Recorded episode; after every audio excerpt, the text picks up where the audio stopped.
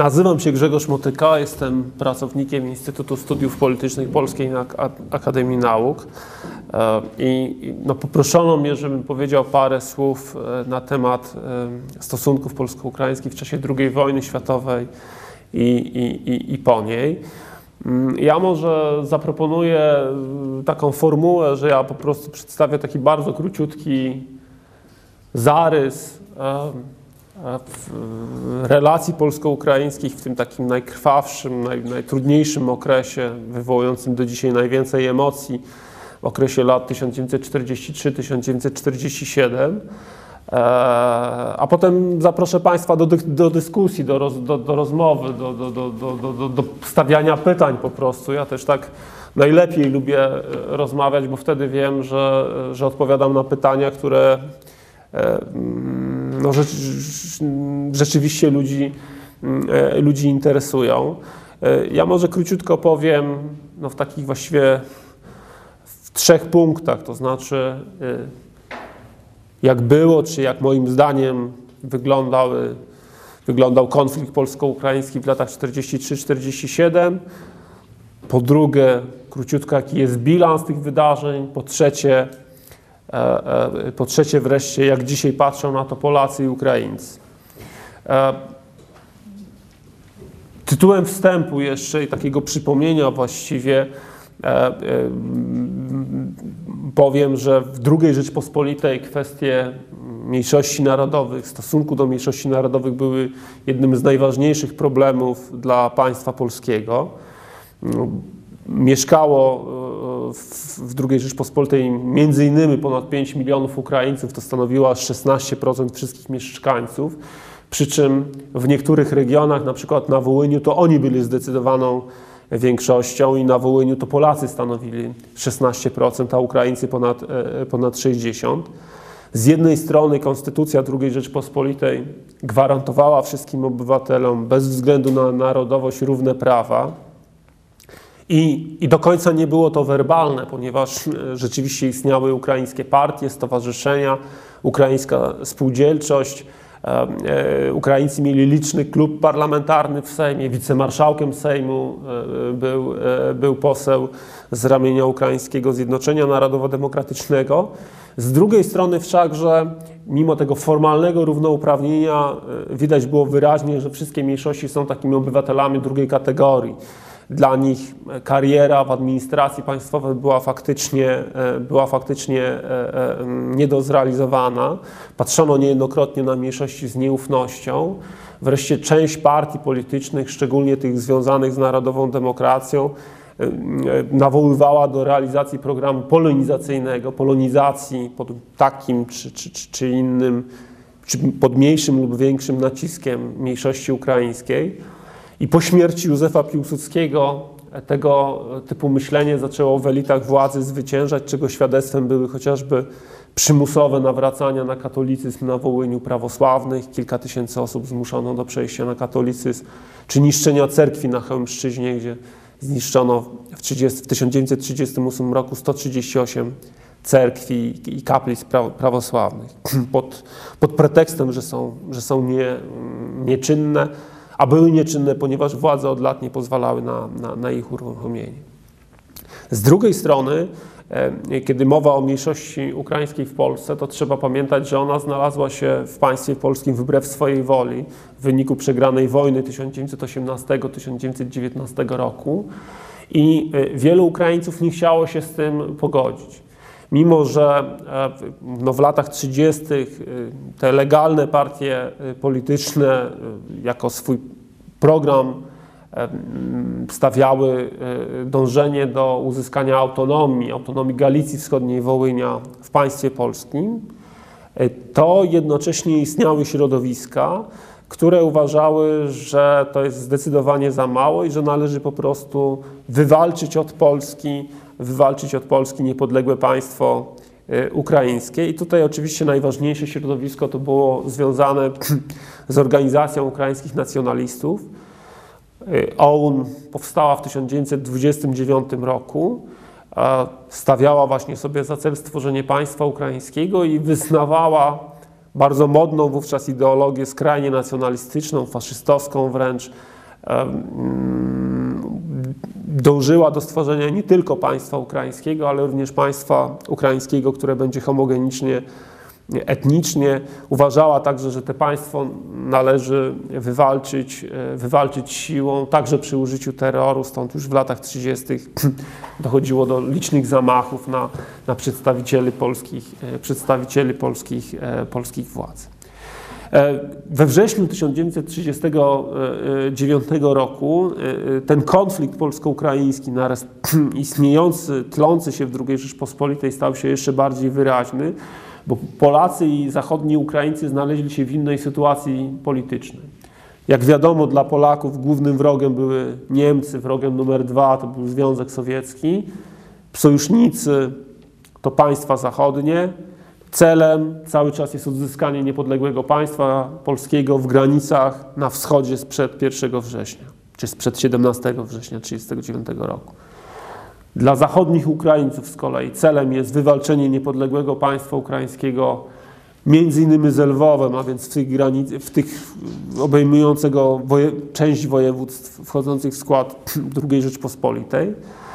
A wrogiem numer jeden jest Związek Sowiecki, wrogiem numer dwa są Polacy. Sojusznikiem wydają się być przynajmniej do 1941 roku E, e, Niemcy, ale także później część środowisk Ukrai zachodnioukraińskich żywiła złudzenia, że, że Niemcy pomogą w stworzeniu niepodległego państwa ukraińskiego, stąd wielu z nich, e, wielu Ukraińców angażowało się w tworzenie ukraińskiej policji pomocniczej, czy chociażby tej słynnej dywizji Waffen-SS Galicjen. I Polacy, i zachodni Ukraińcy zdawali sobie sprawę, że pomiędzy nimi jest właściwie nie do przezwyciężenia kwestia granic. Znaczy Polacy i Ukraińcy chcieli, mówiąc najbardziej kolokwialnie, aby Lwów znalazł się w, w przyszłym ich państwie. I z tego powodu obydwa podziemia, i te ołenowskie, i, e, jakowskie, liczyło się z tym, że po II wojnie światowej dojdzie do nowej wojny polsko-ukraińskiej. E, I szykowano się po prostu na, e, na, tego, typu, na tego typu rozwiązania. W 1940 roku OUN podzieliła się na dwie frakcje. Od nazwisk przywódców Andrija Melnyka, Stepana Bandery, nazywane Melnykowcami, Banderowcami. Nas interesuje przede wszystkim ta druga, Stepana Bandery, zdominowana przez młodych ludzi, którzy w dorosłe życie wchodzili już w II Rzeczpospolitej i wychowywali się właściwie w takim poczuciu buntu wobec państwa polskiego.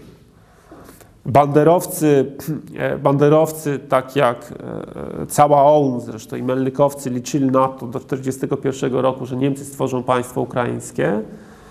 Gdy to się nie okazało nieprawdą, przeszli także do konspiracji antyniemieckiej.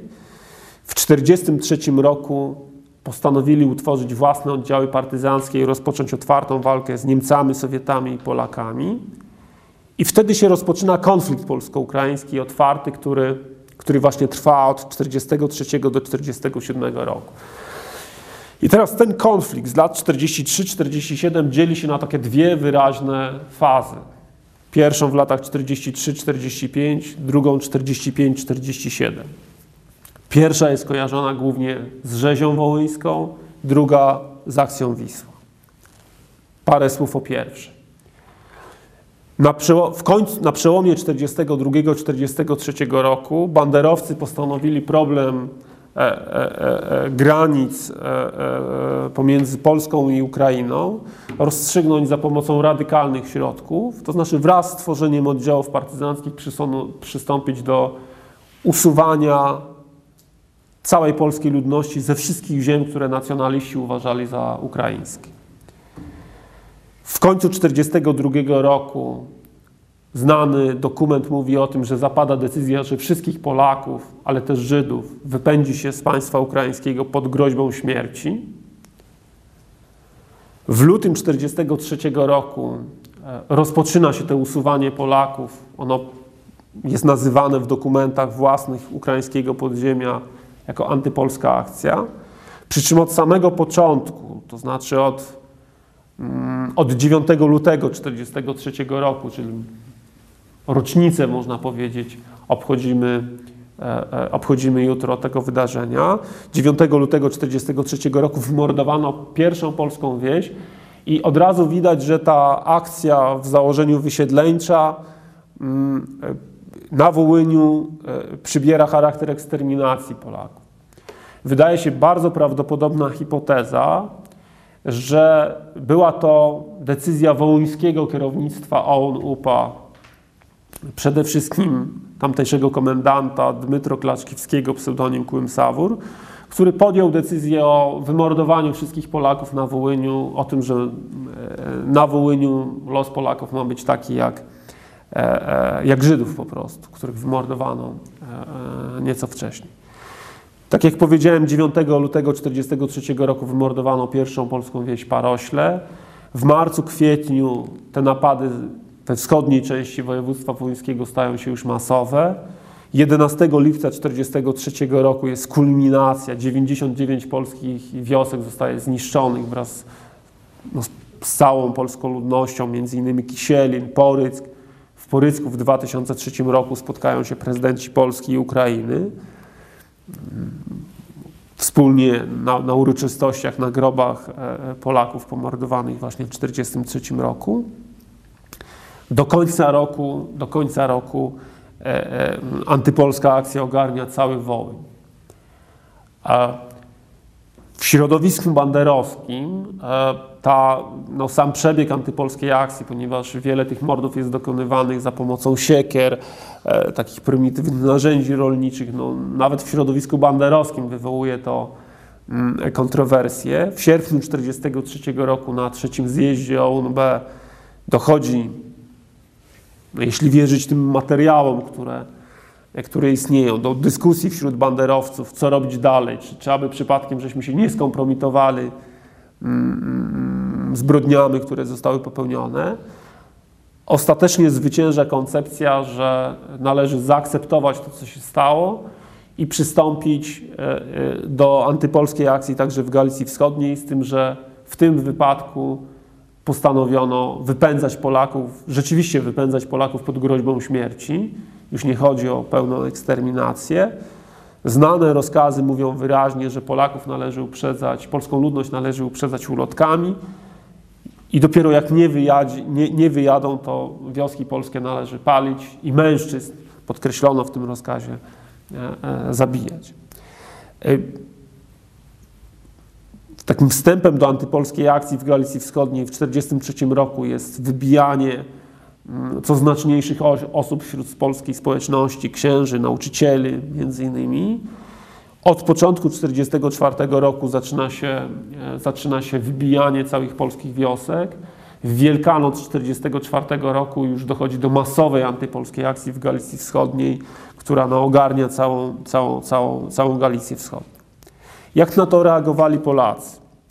Znaczy, część z nich po prostu rzucała się do ucieczki, uciekała do, do, do miast, do, do generalnego gubernatorstwa, byle z dala od, od, od terenów e, mieszanych e, e, etnicznie. Część zgłosiła się do niemieckiej policji pomocniczej i brała udział w niemieckich pacyfikacjach ukraińskiej wiosek. Część postanowiła się bronić, trafiła do sowieckiej partyzanty, kilka tysięcy osób. Część wreszcie postanowiła się bronić.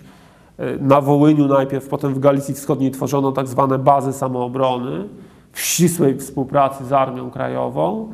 Tworzono także oddziały partyzanckie, które stawiały oddziałom łupowskim opór, próbowały bronić tej ludności zagrożonej śmiercią.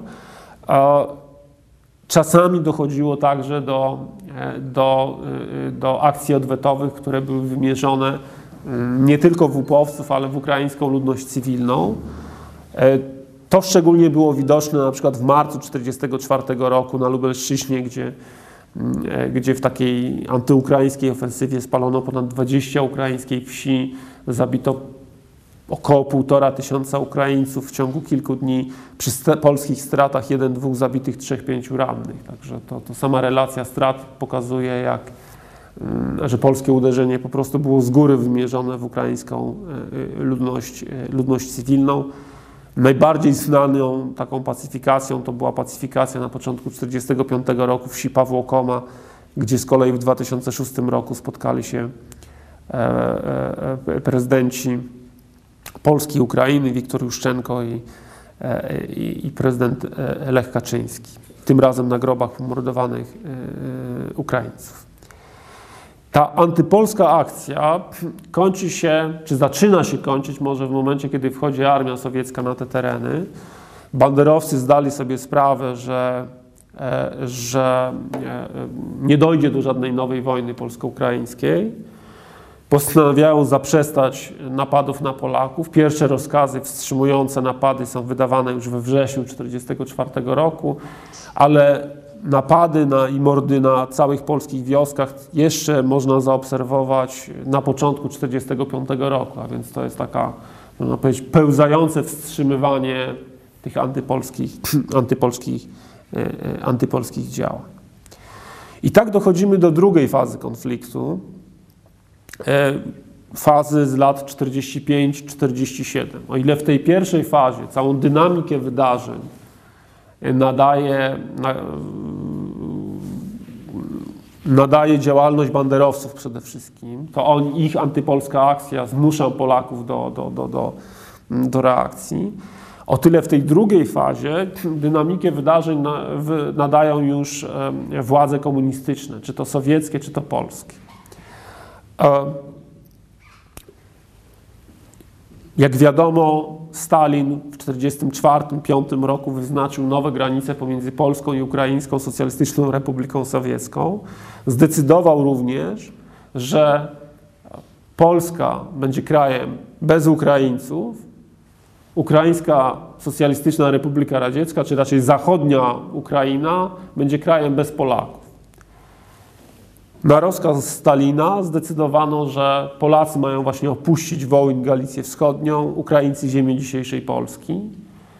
Ta operacja w obydwie strony trwa w latach 44-46 i w, obydwie, w obydwu kierunkach ma charakter mniejszego lub większego przymusu. Inaczej wygląda środki, mm, środki tego e, przymusu, prawda? I, i, inne instrumentarium jest, natomiast i w jednym i w drugim wypadku trudno mówić o, o, o dobrowolności. W wypadku wysiedleń Polaków, obok działań UPA, wpływ na decyzje o wyjeździe mają również aresztowania prowadzone przez NKWD, ale także takie podskórna propaganda sowiecka, która mówi: Nie wyjedziecie do Polski, wyjedziecie do kopalni w Donbasie, brakuje nam rąk do pracy tam, e, e, e, tam będzie wasze miejsce, jeżeli nie, nie opuścicie Lwowa. I nie były to bynajmniej szczepogróżki, bo znane są dokumenty z końca 1944 roku, gdzie Chruszczow prosi Stalina o zgodę na taką depolonizację Lwowa i przesiedlenie części Polaków po prostu do Donbasu, właśnie mówiąc, że brakuje mu, brakuje mu do, e, rąk do pracy. Dokument zresztą taki ociekający antypolskim polskim nastawieniem. E, widać zresztą, że na przykład Chruszczow w tych różnych dokumentach wręcz żądał, żeby mu można odnieść wrażenie, że nie dowierzał, że na zachodniej Ukrainie głównie działa UPA i wręcz żądał, żeby mu wskazać, ile część tych napadów partyzanckich przeciwko władzy sowieckiej to są upowcy, a ile akowcy. I miał, spodziewał się znacznie większego polskiego, polskiego oporu. Z kolei Ukraińcy e, od września 1945 roku byli wysiedlani z Polski już pod bezpośrednim przymusem. Użyto przeciwko nim oddziałów Wojska Polskiego, które przyjeżdżało do wiosek i dosłownie pod lufami automatów wysiedlało, wysiedlało całe wioski na Ukrainę. W efekcie tych wysiedleń z lat 44-46 E, zachodnią Ukrainę opuściło prawie 800 tysięcy Polaków, ziemię dzisiejszej Polski 488 tysięcy Ukraińców i, i, i Łemków. Przeciwko wysiedleniom Ukraińców wystąpiły w Polsce oddziały upowskie. e, ukraińska powstańcza armia, głównym dla niej terenem działania był Wołyń i Galicja Wschodnia. I wraz z wejściem Armii Czerwonej na te tereny, e, to przeciwko komunistom rozpoczęto e, przede wszystkim walkę. I tą walkę na, na Wołyniu w Galicji Wschodniej kontynuowano aż do, aż do początku lat 50. Ostatnia grupa upowska została w 1960 roku zniszczona. Na ziemiach dzisiejszej Polski ta struktura OUN UPA miała znaczenie drugoplanowe, miała właśnie bronić ukraińskiego stanu posiadania i być takim kanałem łączności z Zachodem. W związku z tym właśnie występowano przeciwko, przeciwko wysiedleniom, atakowano oddziały wojska, posterunki milicji, prowadzono na taką szeroką skalę walki partyzanckie, atakowano polskie wioski, ale tym razem rozkazy mówiły wyraźnie, że nie wolno mordować cywilów, choć podkreślmy to, bywało, że ofiary padały. Znaczy na przykład w takim najkrwawszym napadzie we wsi Nowosielce zginęło kilkunastu Polaków w grudniu 1945 roku. Z tym, że no właśnie, to jest najkrwawszy napad na ludność, jeden z najkrwawszych napadów na ludność cywilną w tej drugiej fazie, gdzie ginie kilkanaście osób. Kilkanaście osób w tej pierwszej fazie to były po prostu małe, małe straty. Tam były, bywały masakry po kilkuset, kilkuset osobowe. Znaczy, na przykład w Janowej Dolinie UPA wymordowało 600 osób, prawda? W kwietniu 1943 roku. W tej drugiej fazie tego typu wielkich mordów e, po prostu, e, po prostu już nie ma. W końcu 40, e, tu dodam, że, że na, na rzecz takiego złagodzenia swojej antypolskiej polityki wobec, czy, czy działań wobec ludności cywilnej wpływał również fakt, że zawarto szereg lokalnych porozumień z polskim podziemiem antykomunistycznym, z płakowskim podziemiem. Na Lubelszczyźnie było to szczególnie widoczne, gdzie, gdzie zawarto porozumienie e, e, e, z podziemiem AKWIN i nawet parę wspólnych akcji przeciwko komunistom przeprowadzaniu, zdobywając w maju 1946 roku Chrubieszów.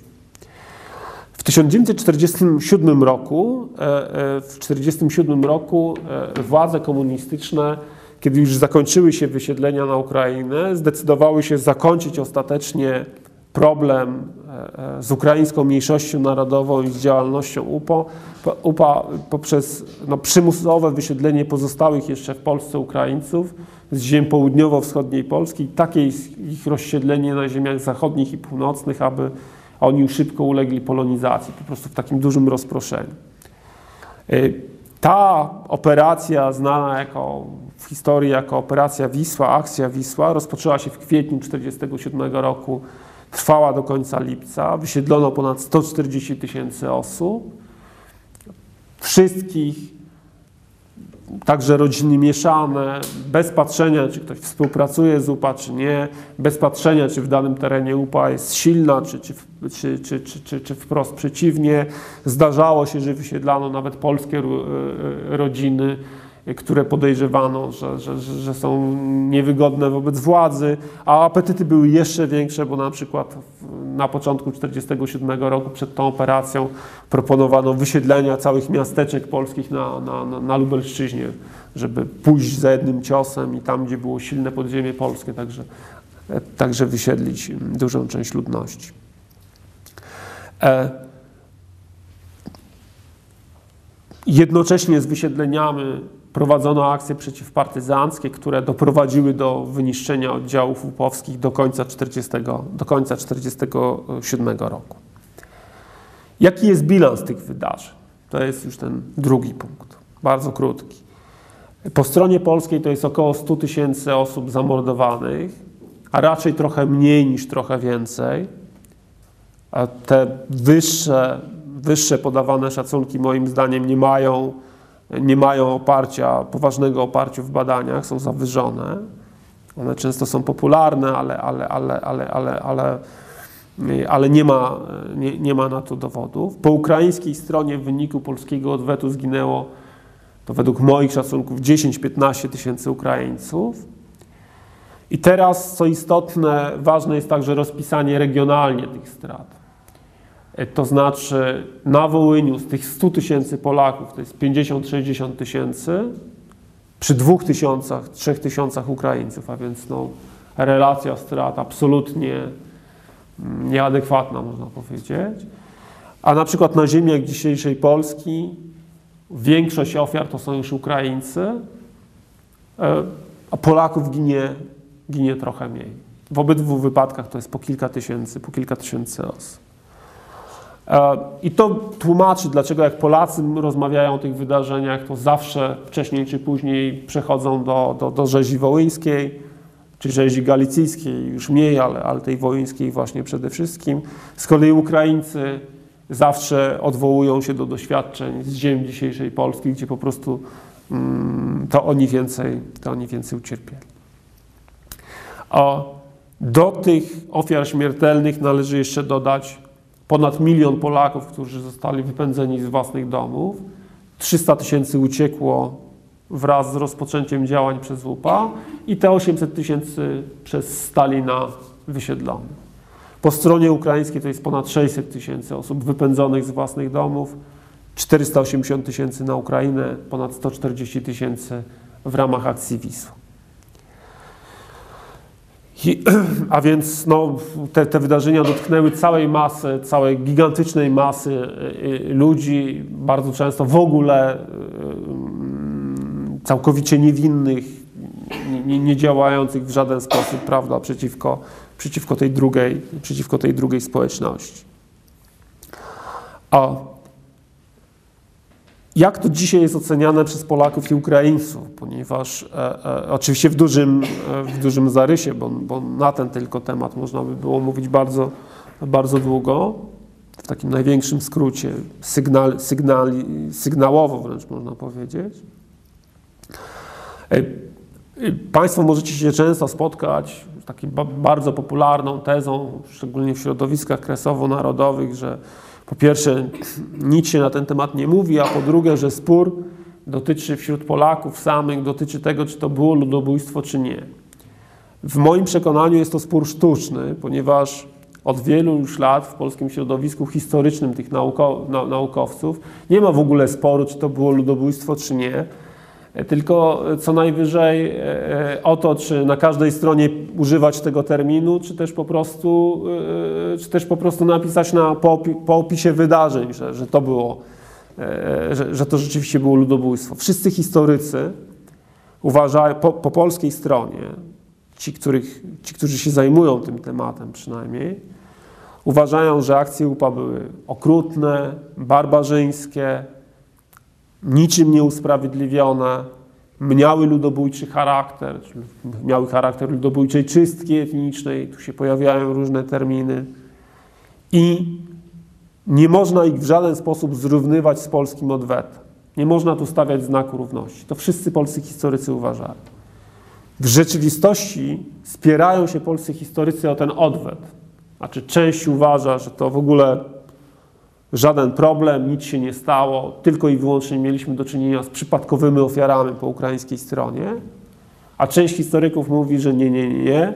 Powiedzmy twardo, Polacy bywało odpowiadali na terror ukraiński terrorem wymierzonym w ukraińskim cywilów, w niewinnych ukraińskich cywilów i to także były zbrodnie nie można stawiać znaku równości, to podkreślę jeszcze raz. Wszyscy historycy mówią, nie wolno stawiać znaku równości pomiędzy jednym i drugim. Jedni mówią, dodają, y, że, że ten odwet był nic nieznaczący, inni mówią, to była zbrodnia. Ale można powiedzieć tak, znowu upraszczając, e, że wszyscy mówią, Polacy byli poddani ludobójstwu, w wypadku Ukraińców można mówić o zbrodniach wojennych, a więc o tej kategorii no, w klasyfikacji prawnej znacznie niższy. Po ukraińskiej stronie, kiedy mowa o rzezi wołyńskiej galicyjskiej, najbardziej popularny pogląd spośród kilku, które można wskazać wśród historyków, to ja chcę tylko powiedzieć o tym najbardziej popularnym, który ja uważam, że jest taką wręcz no, nieformalną linią ukraińskiej polityki historycznej od lat. To jest, że w czasie II wojny światowej doszło, po, doszło do wojny polsko-ukraińskiej, z czym od biedy jeszcze można byłoby się zgodzić, gdyby nie to, że następuje drugi człon tego zdania. Doszło do wojny polsko-ukraińskiej, w trakcie której obie strony popełniały zbrodnie wojenne i nie jest ważne, kto więcej kogo zabił.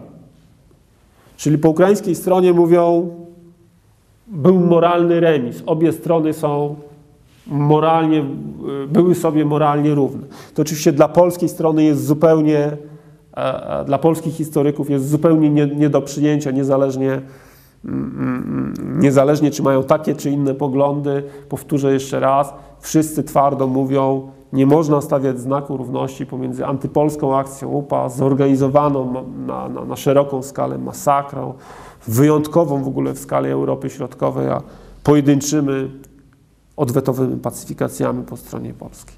I to jest taki podstawowy punkt sporu właściwie od kilku lat. Dialog polsko-ukraiński w tej kwestii, no można powiedzieć, zamarł. Obydwie, jeżeli się dochodzi na, do jakiejś konferencji, to obie strony powtarzają stare, stare argumenty. Nawet jeśli one są ubrane w jakieś nowe odkrycia dokumentacyjne, to, to, to, to, to nic z tego w jakiejś w dalszej perspektywie nie wynika. Po polskiej stronie e, e, dyskutowany jest też bardzo mocno problem akcji Wisła. E, o ile dla, dla Ukraińców na Ukrainie problem akcji Wisła w ogóle nie jest żadnym problemem, znaczy to po prostu zwyczajnie nie interesuje, odnotowując co najwyżej, że takie wydarzenie miało miejsce, o tyle to jest problem absolutnie zasadniczy oczywiście dla mniejszości ukraińskiej w Polsce, no bo niemal każdy Ukrainiec w jakiś sposób został dotknięty tą operacją. I w związku z tym po polskiej stronie toczy się no, zdecydowana dyskusja, jak ocenić akcję Wisła. Część historyków mówi, że ona była usprawiedliwiona. Nie można było inaczej zwalczyć ukraińskiej partyzantki, ukraińskiego podziemia. W związku z tym te wysiedlenia są usprawiedliwione i, i, i dobrze że się stało, że się odbyły. A część historyków mówi nie, Należało oczywiście zniszczyć ukraińskie podziemie, należało je zniszczyć e, e, jednak bez uciekania się do stosowania zasady zbiorowej odpowiedzialności i bez no, stosowania przymusowych, całkowitych, całkowitych wysiedleń. I stoi na, stoją na stanowisku, że, że, że tego typu wysiedlenia, tym bardziej, że ich e, podstawowym celem było najprawdopodobniej spolonizowanie mniejszości ukraińskiej, wymuszono polonizacja tej, tej ludności. No, nie można po prostu tego typu działań y, usprawiedliwić. Ja osobiście uważam, że to była zbrodnia komunistyczna w rozumieniu ustawy o Instytucie Pamięci, e, Pamięci e, e, Narodowej. Tak jak powiedziałem, e, e, ten, te tematy e, są poddawane no, dużej, wielkiej dyskusji w Polsce i na Ukrainie, i dyskusji polsko-ukraińskiej, można powiedzieć. Każda z, z tych dyskusji ma, ma co nieco inny charakter, nieco inne argumenty w niej padają.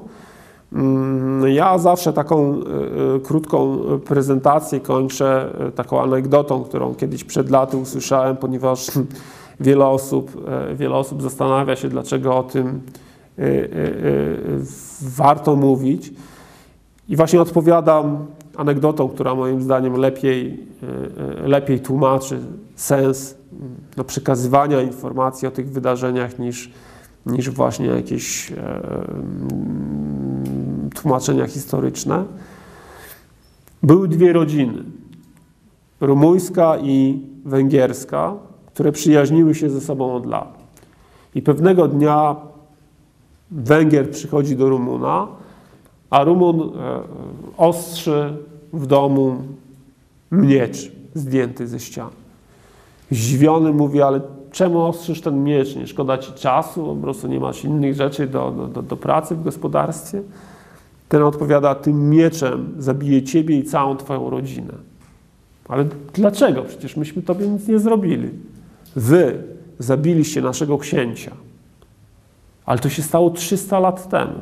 Ale ja się dopiero wczoraj wieczorem o tym dowiedziałem. Dziękuję bardzo i zapraszam Państwa do, do, do, do, do, do, do pytań, do, do, do, do głosów polemicznych także. Dziękuję bardzo. No, proszę, nie wiem, czy to ja mam udzielać głosów, czy... czy, czy... To proszę, proszę bardzo. Otóż... Pojawia się pytanie, czy tak musiały wyglądać stosunki polsko-ukraińskie. I właściwie trzeba by było głębiej na to spojrzeć, dlatego że to nie było tylko tak, jakby można było zrozumieć, analizując tylko ten fragment historii, o którym Pan mówił, że jakieś tam dowództwo, kierownictwo ONU czy UPA wydało rozkazy, czy odwrotnie. Otóż były pewne relacje między ludnością polską i ukraińską. I te, e, te relacje e, nie powstały ani przed wojną, ani w czasie okupacji, tylko na historię polsko-ukraińską trzeba spojrzeć od czasów wazów, właściwie od Unii Polsko-Litewskiej, tak naprawdę. E, bo pojawia się też drugie pytanie, czy ten okres historii relacji polsko-ukraińskiej, o którym Pan mówił, na przykład znacząco odbiega od relacji polsko-ukraińskich w czasach Chmielnickiego. Ja byłem w zeszłym roku, e, żeby nie tak poważnie, byłem w zeszłym roku e, w Karpatach Ukraińskich i byłem w takiej fajnej chacie łękowskiej, e, gdzie na belce nośnej stropu był wyryty rok 1929 i spotkałem babcię, która tam mieszka i opowiedziała mi tak. Wie pan co, ja całe życie tu mieszkam. Urodziłam się w Polsce. Potem znalazłam się w Związku Radzieckim, nie wychodząc z domu. Potem weszli Niemcy, ale za chwilę oddali te tereny Węgrom. Potem jeszcze, e, potem e, jeszcze raz Rosjanie i tak e, zmieniała kraje, nie wychodząc w ogóle z domu, zmieniała te paszporty. Na tle tej jej opowieści rozmawiałem z jej wnukiem. I on mówi tak. Za Polski Polacy gnębili strasznie Ukraińców, ale dali żyć. Potem, jak weszli Rosjanie, to zabijali co dziesiątego, nie pytając, czy jest winien, czy nie. Potem, jak weszli Niemcy, to zabijali co dziesiątego, nie pytając, czy jest winien, czy nie. Potem, jak powstała UPA, to przychodziła po jedzenie, ponieważ była bieda i naprawdę nie mieliśmy jedzenia, to zabijali.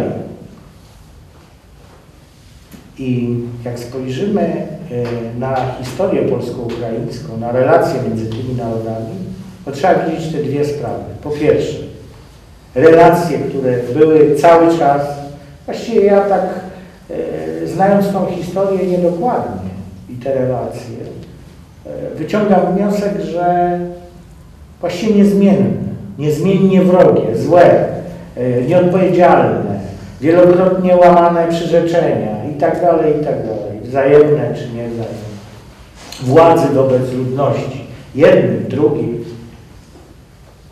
a jednocześnie było bardzo ciężko, bardzo trudno było żyć, co dodatkowo potęgowało potrzebę e, radykalnych postaw. Bo rzeczywiście, podchodząc do rzezi wołyńskiej właśnie tak, że zaczynamy projekcję e, w 1938 roku historii, to ten obraz wydaje się taki, jak Pan powiedział, no, żyli sobie dwa narody w wielonarodowym, kulturowym, żyły, przepraszam, w wielokulturowym państwie i nagle ni z tego, ni z owego ci wredni Ukraińcy zaczęli mordować Polaków. No nie, tak nie powiedziałem. E, ale ja tak powiedziałem. Natomiast, e, natomiast e, sytuacja jest, tak jak powiedziałem, strasznie nawarstwiona. Nawet lata przedwojenne to już jest nawarstwienie. No wyprawa e, kioska i te ruchy tam na terenie Ukrainy wszystkie. I, i, i tak jakbyśmy się cofali rok po roku, to właściwie, e, właściwie myślę, że na to pytanie, które postawiłem, czy te relacje musiały być takie w czasie okupacji, czy w czasie wojny, to nasuwa mi się odpowiedź, że że chyba nie można się było niczego innego spodziewać. Poruszył Pan szereg problemów i e, właściwie nie wiem od czego zacząć. Znaczy, e, zacznę od tego ostatniego, co Pan powiedział. To znaczy, e, moim zdaniem był nie do rozwiązania konflikt polsko-ukraiński, który był podstawą tego, co się stało, to znaczy konflikt graniczny. To, co powiedziałem, mocno podkreślając. Polacy i Ukraińcy chcą, aby Lwów był ich, mówiąc tak najbardziej prostym językiem. I to było nierozstrzygalne w żaden pokojowy sposób. Znaczy, yy, najlepiej, tylko że wtedy nikt jeszcze o tym nie wiedział, najlepiej było czekać na to, aż Stalin to wszystko e, e, rozsądzi. I w związku z tym ten tego typu porozumienia pomiędzy polskim i ukraińskim podziemiem być nie mogło i one, i w związku z tym ten konflikt oczywiście musiał być, ale on nie musiał przybierać takiej formy.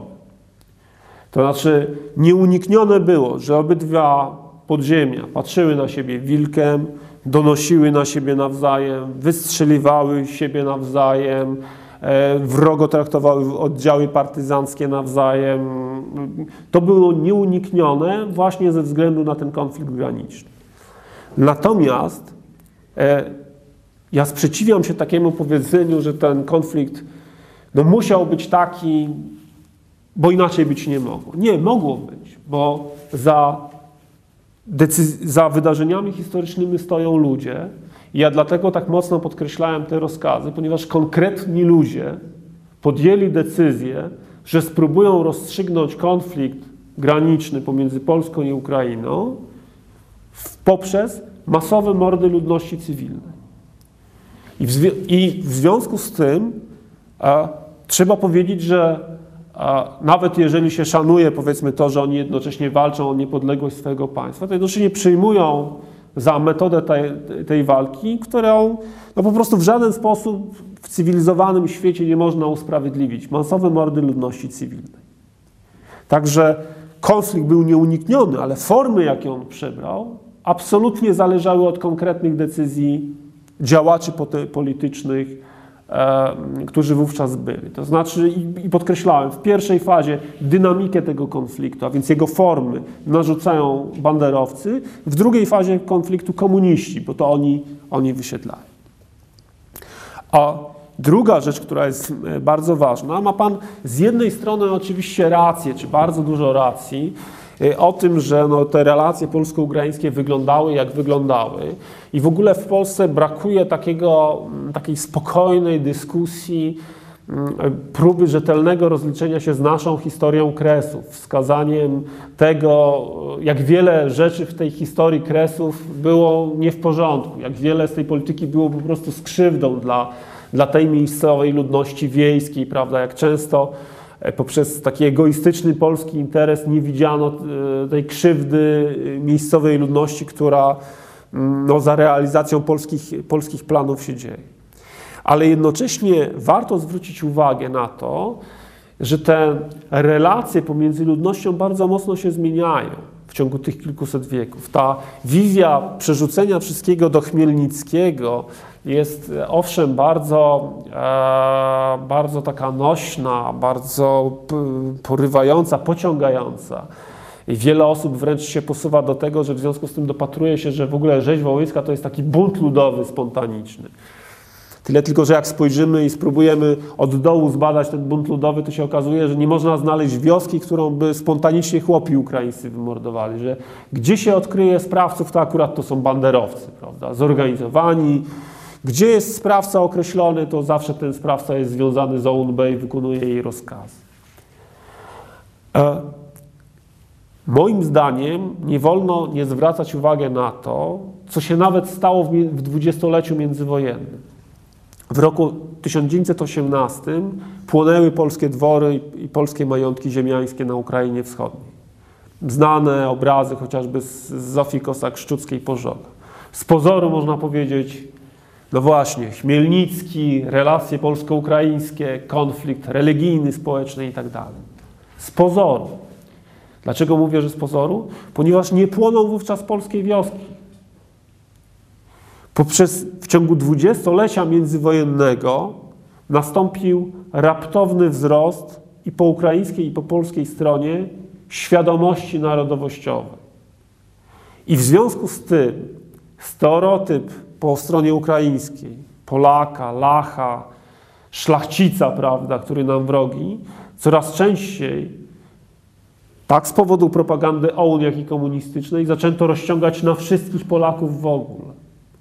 I po drugiej stronie było tak samo, to znaczy zaczęto coraz Yy, coraz niechętniej patrzeć na Ukraińców jako takich w ogóle, prawda? Wcześniej mówiono o jakimś tam gronie, gronie nacjonalistów tylko i wyłącznie. I dlatego w czasie II wojny światowej nie można nie dostrzec tej zasadniczej różnicy. To znaczy, ten konflikt w czasie wojny polsko-ukraińskiej ma znacznie więcej związku z tym, co się dzieje wówczas w Europie, z całą II wojną światową, z tym przekonaniem o tym, że trzeba dokonywać masowych masakr e, e, ludności cywilnej i w ten sposób zdobywać teren, prawda, niż, e, niż z tą wcześniejszą polsko-ukraińską polsko-ukraińską historią. To oczywiście wymaga jakiejś odrębnej analizy i, i głębszego uzasadnienia, ale, ale ja jestem osobiście przeświadczony, że, e, e, e, że, że to jest prawda. Naprawdę proszę zwrócić na to uwagę, że ci, że w 1943-1944 roku giną chłopi polscy, którzy są prostymi chłopami i często naprawdę z tymi sąsiednimi ukraińskimi chłopami mają bardzo dobre relacje. Natomiast jednocześnie po stronie ukraińskiej E, jest niechęć po prostu do państwa polskiego, a OUN narzuca taką formułę, że państwo polskie to są wszyscy Polacy.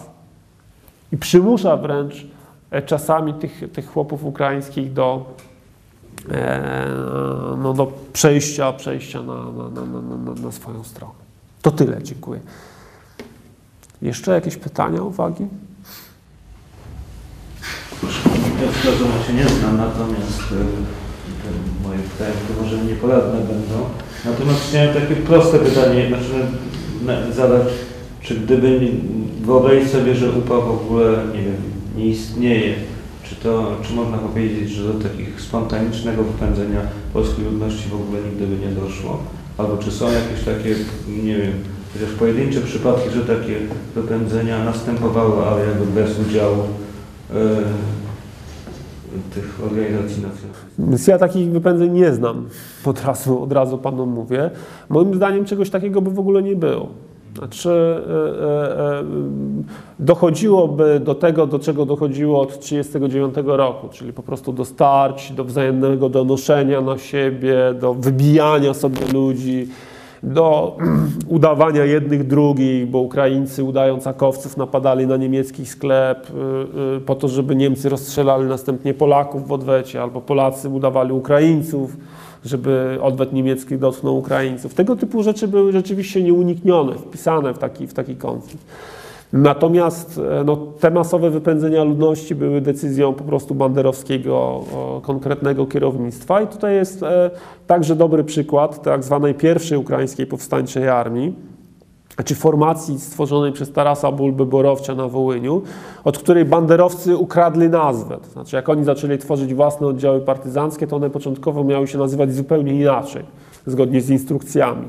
Wymyślono dla nich nazwę Ukraińska Narodowo-Rewolucyjna Armia.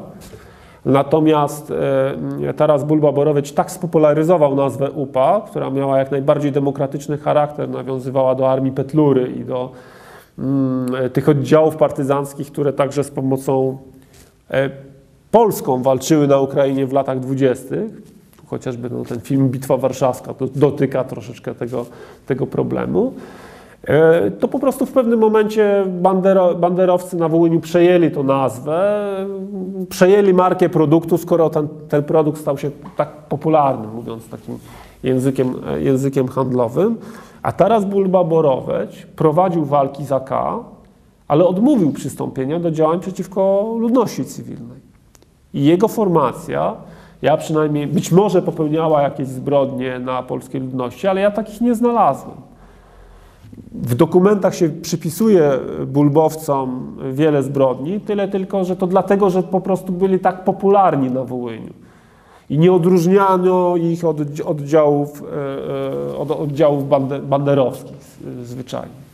Także moim zdaniem wszystko i tak by zmierza, e, i tak by rozwiązał Stalin tak, jak rozwiązał. To znaczy decyzja Stalina e, decyzja Stalina e, o kształcie granic, o wysiedleniach byłaby tak czy inaczej i, to ona by po prostu rozstrzygnęła o naszej historii. No, z tej perspektywy patrząc, to e, te twierdzenia dzisiejsze e, e, ukraińskich niektórych historyków, że, że no, banderowcy wywalczyli, prawda, po, pozbyli się Polaków, są nieprawdziwe, bo, bo, bo, bo, bo bez decyzji Stalina by nie osiągnięto po prostu tego, tego celu w sposób ewidentny. To był zupełnie bezsensowny, nie dość, że zbrodniczy rozlew krwi, to także po prostu bezsensowny z powodów politycznych. On nic nie przynosił, nic nie przyniósł sprawie ukraińskiej po prostu. A jeszcze chciałem zapytać, czy, czy polskie władze od samego początku ukraińskich nacjonalistów traktowały jak terrorystów, czy był taki etap w historii II Rzeczpospolitej, kiedy gotowe były z nimi dyskutować na przykład o autonomii jakiejś dla Ukrainy? E, to, to są dwie sprawy Pan porusza, bo polskie władze od początku traktowały nieufnie mniejszość ukraińską jako taką i e, zdecydowanie nie, chciały, żeby, e, żeby mm, dać tym terenom w, w no, Galicji Wschodniej autonomię. Znaczy, Galicja Wschodnia, przypominam Państwu, że początkowo nie, nie było zgody wspólnoty międzynarodowej na to, żeby uznać, że Galicja Wschodnia jest częścią Polski.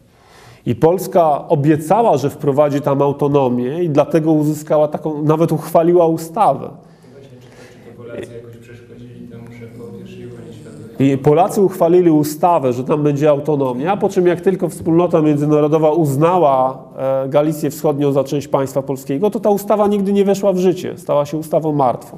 Nawiasem mówiąc, na Wikipedii jak wszedłem, to tak to przedstawiono, jakby ta ustawa weszła w życie, czyli czyli ktoś, kto, kto nie wie o tym, że, e, że, że tego nie zrealizowano, to może pomyśleć, o jak świetnie, że tak powiem, Ukraińcom się działo. E, no, ja mam wrażenie, że była taka, nawet jeżeli się pojawiała dobra wola, to była absolutna niemożność zrealizowania pewnych postulatów. Znaczy, Ukraińcy chcieli koniecznie mieć swój uniwersytet w Lwowie i powiedzmy sobie szczerze, im się to należało po prostu zwyczajnie, ze względu na, na, na liczbę ludności w Galicji Wschodniej, na to, że byli tam większością. I, I rozpoczynają się negocjacje. Po polskiej stronie jest dobra wola, żeby stworzyć ten uniwersytet. Tylko, że Lwów tego absolutnie nie chce, władze miejskie. Więc może Stanisławów, tego nie chcą Ukraińcy, może Kraków, tego też nie chcą Ukraińcy. W końcu powstaje Ukraiński Instytut Naukowy. Po kilku latach negocjacji powstaje Ukraiński Instytut Naukowy w Warszawie. Tyle jest z idei Uniwersytetu Ukraińskiego e, e, e, w Lwowie.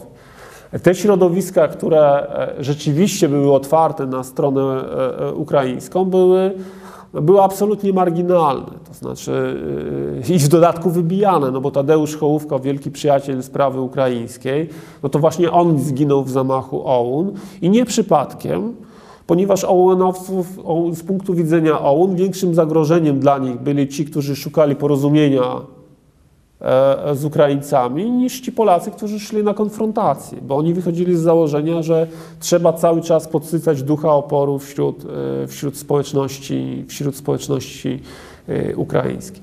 Po polskiej stronie, już tak przechodząc do, do konkretów, po prostu wahały się cały czas dwie linie. Jedna szukająca jakiegoś kompromisu, taka linia asymilacji państwowej, że dajmy im jak najwięcej praw, to oni z czasem się zwiążą z państwem polskim.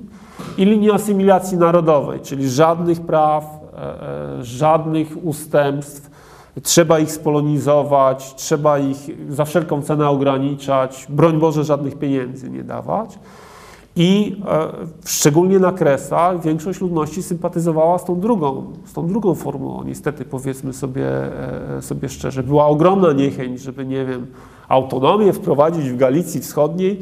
Autonomia by polegała na tym, że ta miejscowa ludność by wybierała sobie władze, które by miały szereg prerogatyw e, e, e, no, takiego samorządu lokalnego, prawda? Tylko, że jakby ona wybierała władzę, to by oznaczało, że to prawdopodobnie byłaby władza ukraińska w Galicji Wschodniej. Dlatego nie chciano tej autonomii. Wolano wojewodów wyznaczanych przez, przez Warszawę po prostu. Oczywiście z terrorystami nie było to możliwe. To znaczy ci, którzy walczyli zbrojnie, e, e, chciano zlikwidować tą, te, te, te podziemie.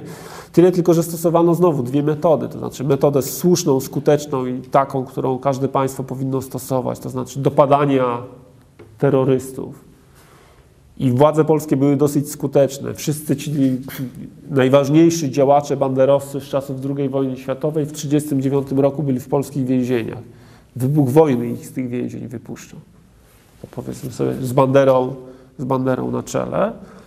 Natomiast oczywiście błędne było w porywach stosowanie odpowiedzialności zbiorowej, to znaczy w odpowiedzi na jakieś akcje sabotażowe OUN zdarzało się, że wprowadzano stan wojenny w jakimś regionie i, i- i represje dotykały wówczas na oślep wszystkich Ukraińców, którzy, nie wiem, powiesili obraz Szewczenki w swoim domu. Więc potrafiono za obraz Szewczenki, nie wiem, rozebrać komuś dach, tak zrobić rewizję w poszukiwaniu nacjonalistycznych ulotek, że nie wiem, wymieszano mąkę z solą albo sól z cukrem, prawda, i tak zwane dokuczliwie re- rewizje e, przeprowadzano. I to oczywiście budziło niechęć wobec, wobec państwa, e, państwa polskiego. Właśnie tego typu drobne w porównaniu na przykład z tym nazistowskim czy bolszewickim terrorem, ale drobne e, e, e, represje wywoływały największą, największe oburzenie tych, którzy byli nimi dotknięci. To znaczy odczuwano to jako upokorzenie, jako, jako obrazę dla dumy narodowej. Pamiętano niejednokrotnie bardzo, bardzo długo. Niestety, ale dzisiaj od historyka oczekuje się roli sędziego. Dla mnie jest pan profesor świetnym przykładem y, naukowca, historyka, który potrafi zachować dystans do trudnych wydarzeń, dlatego tym bardziej cieszę się, że miałem przyjemność wysłuchania wykładu pana profesora. Ale przechodząc do pytania. Jak wiadomo, badanie historii najnowszej jest niesłychanie trudne z kilku powodów, ale przede wszystkim dlatego, że działają emocje. I w związku z tym moje pytanie do Pana trochę z pogranicza psychologii. Jak Pan Profesor radzi sobie y, z naciskami, presją y, pewnych grup, które chciałyby inaczej widzieć historię? I czy w ogóle mm, konieczne jest y, badanie historii najnowszej? Czy, czy w ogóle należałoby do tego raczej podejść z pewnym dystansem czasu? I jeszcze na koniec o tej anegdotce, bardzo ładna. Tylko niestety wynika z niej, że świadomość jest szkodliwa. I w związku z tym proszę nie traktować poważnie już tego pytania, czy należałoby wyrzucić ze słownika y, słowa na N, typu naród, nacjonalizm. I nie, to ja właśnie, ja ją odbi- mam, z anegdotami jest jak z utworami literackimi, prawda? Możemy je bardzo różnie interpretować i różne wnioski wyciągać. Ja wyciągam wniosek odwrotny, to znaczy lepiej wiedzieć o tym, co się stało, e, właśnie żeby tak, e, e, żeby tak nie reagować w, nagle w takim wręcz e, neofickim odrodzeniu narodowym, prawda? Związanym z odrzuceniem nawet, nawet starych przyjaźni. Ja, właśnie uważam, że odwrotnie, że, że żeby e, jeśli porównywać e, te rany w pamięci historycznej, w świadomości historycznej społeczeństw do, do takich ran prawdziwych, to że należy to po prostu do cna wyczyścić i dopiero zaszywać, a nie zaszywać poprzez zapominanie i potem się po, po latach do tego wraca.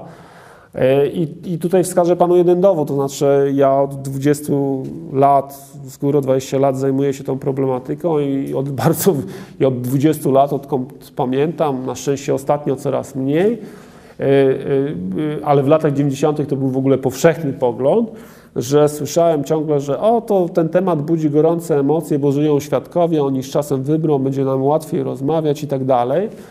Minęło 20 lat, nie widzę, żeby, e, żeby emocje w jakikolwiek sposób e, e, ostygły.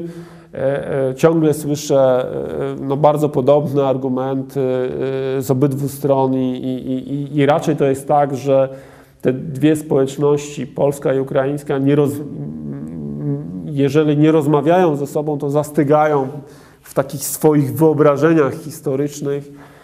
E, A zdarza się, że w związku z tym jakieś słowa drugiej strony czasami rozumieją zupełnie, zupełnie, e, zupełnie, e, zupełnie opacznie. Ja pamiętam, że, że, że, że nie wiem, na początku XXI wieku zdarzały się takie sytuacje, gdzie ponieważ był taki głód po polskiej stronie, żeby, może jeszcze inaczej, w latach 90. Ukraińcy mieli w ogóle problem z uświadomieniem sobie, że na Wołyniu na Wołyniu w Galicji Wschodniej, że UPA dopuściła się jakichkolwiek mordów na Polakach. W związku z tym każdą wypowiedź ukraińską, gdzie, powiedział, że, gdzie ktoś powiedział tak, UPA mordowała Polaków, traktowano jako no, coś e, e absolutnie niezwykłego i odkrywczego. I, dochodzi, I, sam byłem świadkiem wielu nieporozumień, gdzie ktoś po stronie ukraińskiej właśnie stworzył taką wizję, że była wojna, w której obie strony popełniały równe zbrodnie, i po polskiej stronie odbierano, no wreszcie fantastycznie ktoś powiedział prawdę, nie zdając sobie sprawy y, z pełnego znaczenia tych słów. Tak, tak kładziono akcent, że wreszcie ktoś powiedział, że UPA mordowała Polaków, że nie zauważał, że za tym nas, następuje drugi, drugi człon zdania, który już z polskiej perspektywy jest no, najdelikatniej rzecz ujmując e, e trudny, e, e, trudny do przyjęcia. E, natomiast no, jeśli chodzi o tego sędziego, niestety to e, Wie pan, no, no właśnie, czy, czy, czy, czy historyk może być takim bezstronnym obserwatorem? Powinien być. Natomiast ja należę do takiej szkoły, która, e, e, w, w, ponieważ każdy historyk, każdy autor pisze z jakiejś perspektywy, ja starałem się pisać z perspektywy praw człowieka. To znaczy, dla mnie od samego początku przyjąłem takie założenie, że nie wolno usprawiedliwiać żadnych zbrodni popełnionych na ludności cywilnej. I dla mnie to jest po prostu żelazna zasada, której staram się e, trzymać. Z tym się wiążą oczywiście mm, no, niedogodności, tak delikatnie rzecz ujmując. To znaczy, jak piszę o rzezi wołyńskiej, galicyjskiej, to Ukraińcy piszą, że, że w latach 90. pisano o mnie, że jestem typowym polskim niedouczonym szowinistą. Jak piszę o e, w szlachu Peremochi napisali dosłownie szowinistą. Jak piszę o polskim odwecie i o akcji Wisła, to piszą, że jestem kryptobanderowcem. Ukrainiec to jest najłagodniej, ale banderowiec, prawda, albo wysługujący się, się, się banderowcom, to są takie naj, naj, najłagodniejsze e, określenia. Teraz z kolei nastąpiła taka, e, no, po mojej ostatniej książce, to już wręcz no, dla mnie wręcz no, zabawna historia, to znaczy, ponieważ y, po, po zdobyciu stopni naukowych e, piszę książki popularno-naukowe, które są po pierwsze krótsze, dużo krótsze, po drugie, mogę sobie pozwolić na pewną taką e, e, większą, e, większe przyłożenie uwagi do przejrzystości stylu. W popularno-naukowych książkach też nie chowa się pewnych rzeczy w przypisach, nie zwraca się uwagi w przypisach, tylko zostawia się to wszystko w tekście głównym. I, i to te, także jest zabawne, że, że nie wiem, po, po mojej ostatniej książce zdarzały mi się sytuacje, że Polacy twierdzili, że niektórzy Polacy twierdzili, że ja zmieniłem swoje zdanie na temat rzezi wołyńskiej. I zdarzało się, zdarzyło mi się tak w trakcie spotkania autorskiego, że, mm, e, że ktoś powiedział, że to jest w ogóle mm, no, świetna książka, najlepsza książka, którą napisałem i że ja w ogóle zmieniłem pogląd na ten temat. Potem przeczytał fragment, który jest e, niemal dosłownym powtórzeniem fragmentu mojej książki sprzed kilku lat, naukowej, prawda? No bo w takiej popularnej siłą rzeczy musiałem do tych wcześniejszych swoich tekstów, e, swoich tekstów e, uciekać. On, on nie zauważył, że ten fragment po prostu jest dokładnie niemal, niemal, tak, samo, niemal tak samo powtórzony. E, co, co ciekawe, po ukraińskiej stronie Niektórzy też tak uważają, nie zauważając na przykład, że ja w tej ostatniej książce tak naprawdę w porównaniu z wcześniejszą, jeśli coś bardziej zradykalizowałem i tylko niektórzy to zauważyli, to swoją ocenę mm, działań polskiego, e, polskiego podziemia, po, polskiego odwetu, to znaczy w porównaniu mm, no, z, z, z, moją książką o, o UPA, o polskim odwecie w tej ostatniej książce jest zdecydowanie więcej powiedziane i, i, i i tak dosłownie, prawda? Natomiast no, czytelnicy nie zawsze to, nie zawsze to dostrzegają. Ci, ja mówię oczywiście o tych, którzy są bardzo mocno właśnie zaangażowani w tą dyskusję. Oni zawsze wybierają z, tej, z tego to, co, co jest dla nich miłe. Może inaczej powiem. Znaczy, jak Polacy czytają książkę, to się zgadzają generalnie z tym, co dotyczy rzezi wołyńskiej czy rzezi galicyjskiej, a już z tym, co dotyczy odwetu i akcji Wisła niekoniecznie i odwrotnie, znaczy Ukraińcy dokładnie, e, dokładnie odwrotnie, prawda? Tamta część w nich mm, przyjmują, że, że, że są powiedzmy lepiej udane, a, a rzeź wołyńską galicyjską absolutnie odrzucają jako uleganie wpływom, wpływom autorów kresowych i, i tak dalej. No i nie ukrywam, że to bywa męczące, prawda, bo to czasami się zamienia w taką, w taką trochę absurdalną dyskusję. E, e, oj, żeby pan, panu, czy państwu wskazać na przykładzie. Ja po raz pierwszy o, ludobójstw, o tym, że uważam rzeź wołyńską za ludobójstwo, powiedziałem w wywiadzie w 2001 roku. Jednocześnie nie uważam, że autor książki historycznej pisze to na końcu książki, po opisie wydarzeń, a nie na początku, prawda? Ja, historyk powinien najpierw zanalizować wydarzenie i na końcu dać, jeśli zechce, ocenę, czy to da się zaklasyfikować jako ludobójstwo, czy nie.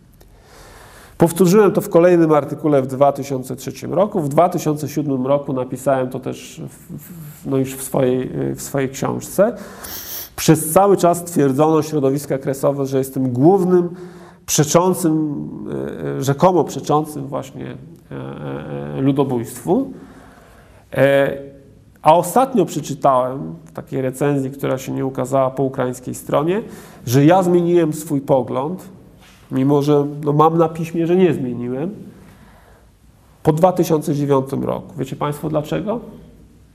Bo w 2009 roku Sejm Rzeczpospolitej Polskiej przyjął uchwałę o rzezi wołyńskiej, która ma, nosi znamiona ludobójstwo. I w jednej z recenzji napisano z ukraińskiej strony, że ja przyjąłem po, zmieniłem swoje stanowisko po tej uchwale. Innymi słowy, zacząłem się dopasowywać do, do, linii, yy, do linii rządowej no muszę bardzo starannie uważać na słowa i e, e, cieszę się, że mam taki dowód, że tak powiem, na piśmie, który no, pokazuje, że o pewnych rzeczach mówiłem już, y, już, już, już 10 lat temu.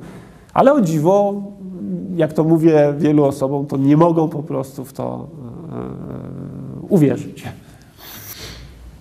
Chciałem zapytać o słowo ludobójstwo, bo Pan go użył, użył bardzo, bardzo mocno, mówiąc o ludobójstwie. W tej chwili e, Pan sprecyzował, odwołując się do tej uchwały e, parlamentu, że e, zbrodnia o znamionach.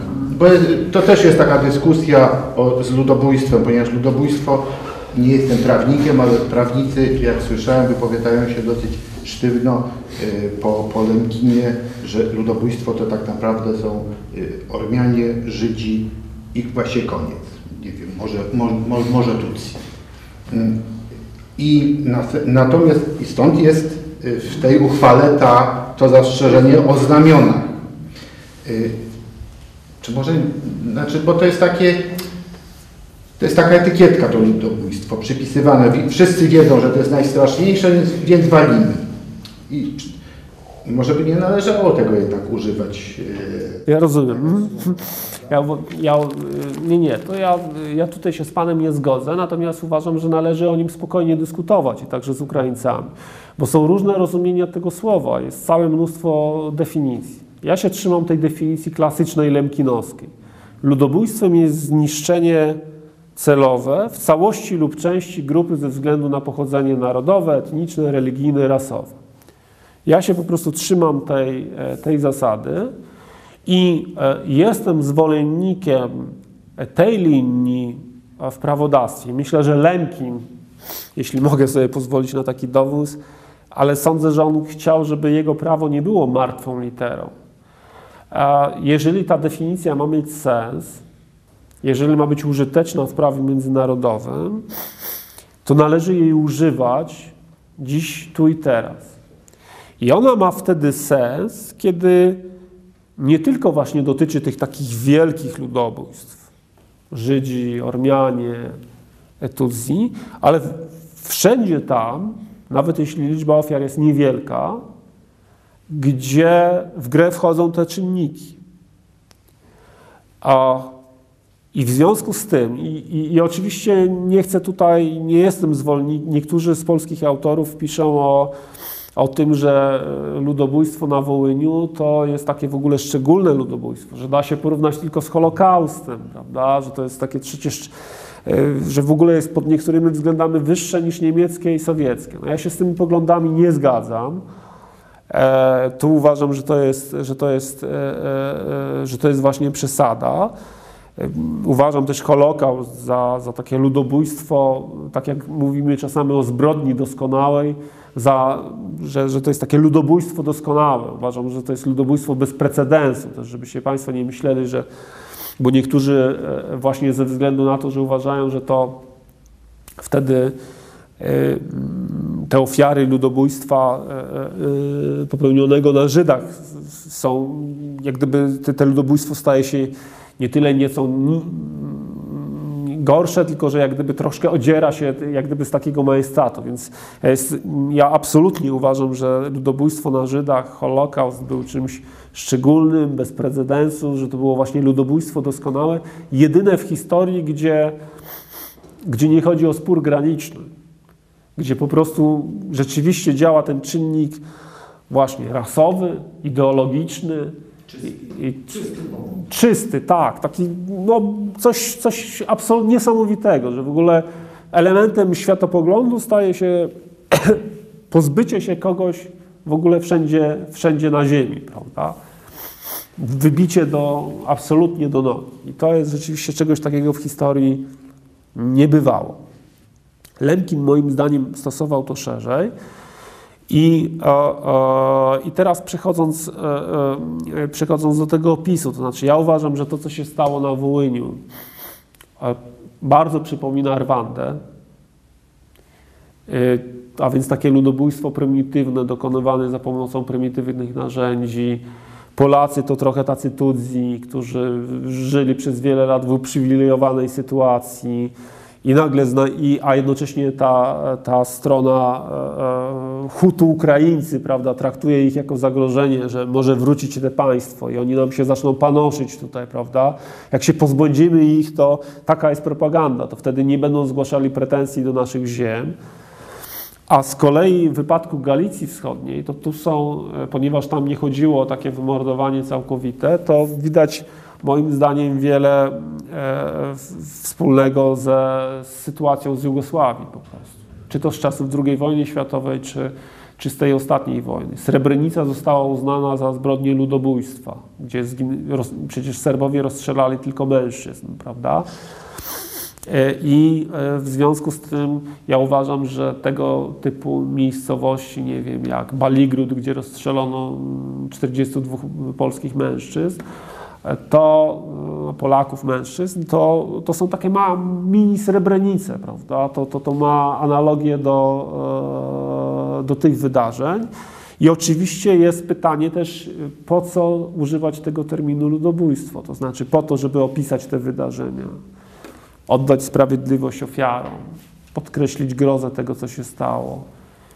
Mm, także no, intencje sprawców, bo, bo, bo sprawcy z całą pewnością mieli za cel na Wołyniu pozbyć się w części prawda, tej, tej społeczności. Oczywiście nie Polaków w ogóle wszystkich jako takich, ale w części. Y, natomiast byłbym bardzo ostrożny, czytaj przeciwny temu, żeby używać e, tego ludobójstwa jako, takiego, jako takiego politycznego straszaka przeciwko Ukrainie, prawda? To znaczy, że używać tego ludobójstwa w takiej formule, jak to stosują Ormianie i Turcy przy, przy, przy, przy wydarzeniach. To znaczy jako takiego e, żądania, że jeżeli nie uznacie, to, to, to, to, to nie będziemy mieli z wami y, normalnych stosunków dyplomatycznych. Y, daleki jestem też od tego, przynajmniej staram się być w używaniu tego terminu, od, od, od, od tego, żeby po prostu w ten sposób traktować wszelkie ukraińskie usiłowania niepodległościowe. Znaczy, ja przyznaję Ukraińcom prawy, prawo do walki o Lwów, a mam takie wrażenie, że, e, że część e, polskich autorów, tak zwanych kresowo-narodowych, którzy tak chętnie się tym ludobójstwem za każdym razem posługują, że nie chodzi im tylko o opis tego, że doszło do zbrodni, ale także o to, żeby powiedzieć, ach, ci ludobójcy, oni w związku z tym nie mają żadnego prawa do tego Lwowa. No. Mam wrażenie, że, że i nie mieli w ogóle prawa występować przeciwko Polsce. Mam wrażenie, że to gdzieś tam w domyśle jest również tego typu, tego typu intencja. Więc no to jest mi obcy. To już uważam jest, wychodzi poza tą, e, poza tą klasyfikację, klasyfikację ofiar. Natomiast być może tu grzeszę nie wiedzą, natomiast szczerze mówiąc uważam za coś drugorzędnego, i czasami w swoich tekstach nie, nie, do końca świadomie stosuję to wymiennie. Czy powiemy o czymś, że było ludobójstwem, ludobójczą czystką etniczną, czy mającym znamiona ludobójstwa. To ja uważam, że to jest tak naprawdę rzecz, e, e, e, rzecz drugorzędna i... i... Oczywiście, ja, ja z tego powodu jestem czuły na to, bo właśnie nie lubię takiego wymachiwania maczugą i walenia wszystkich po głowach, po głowach używanie argumentów tak, tak, tak e, ciężkich.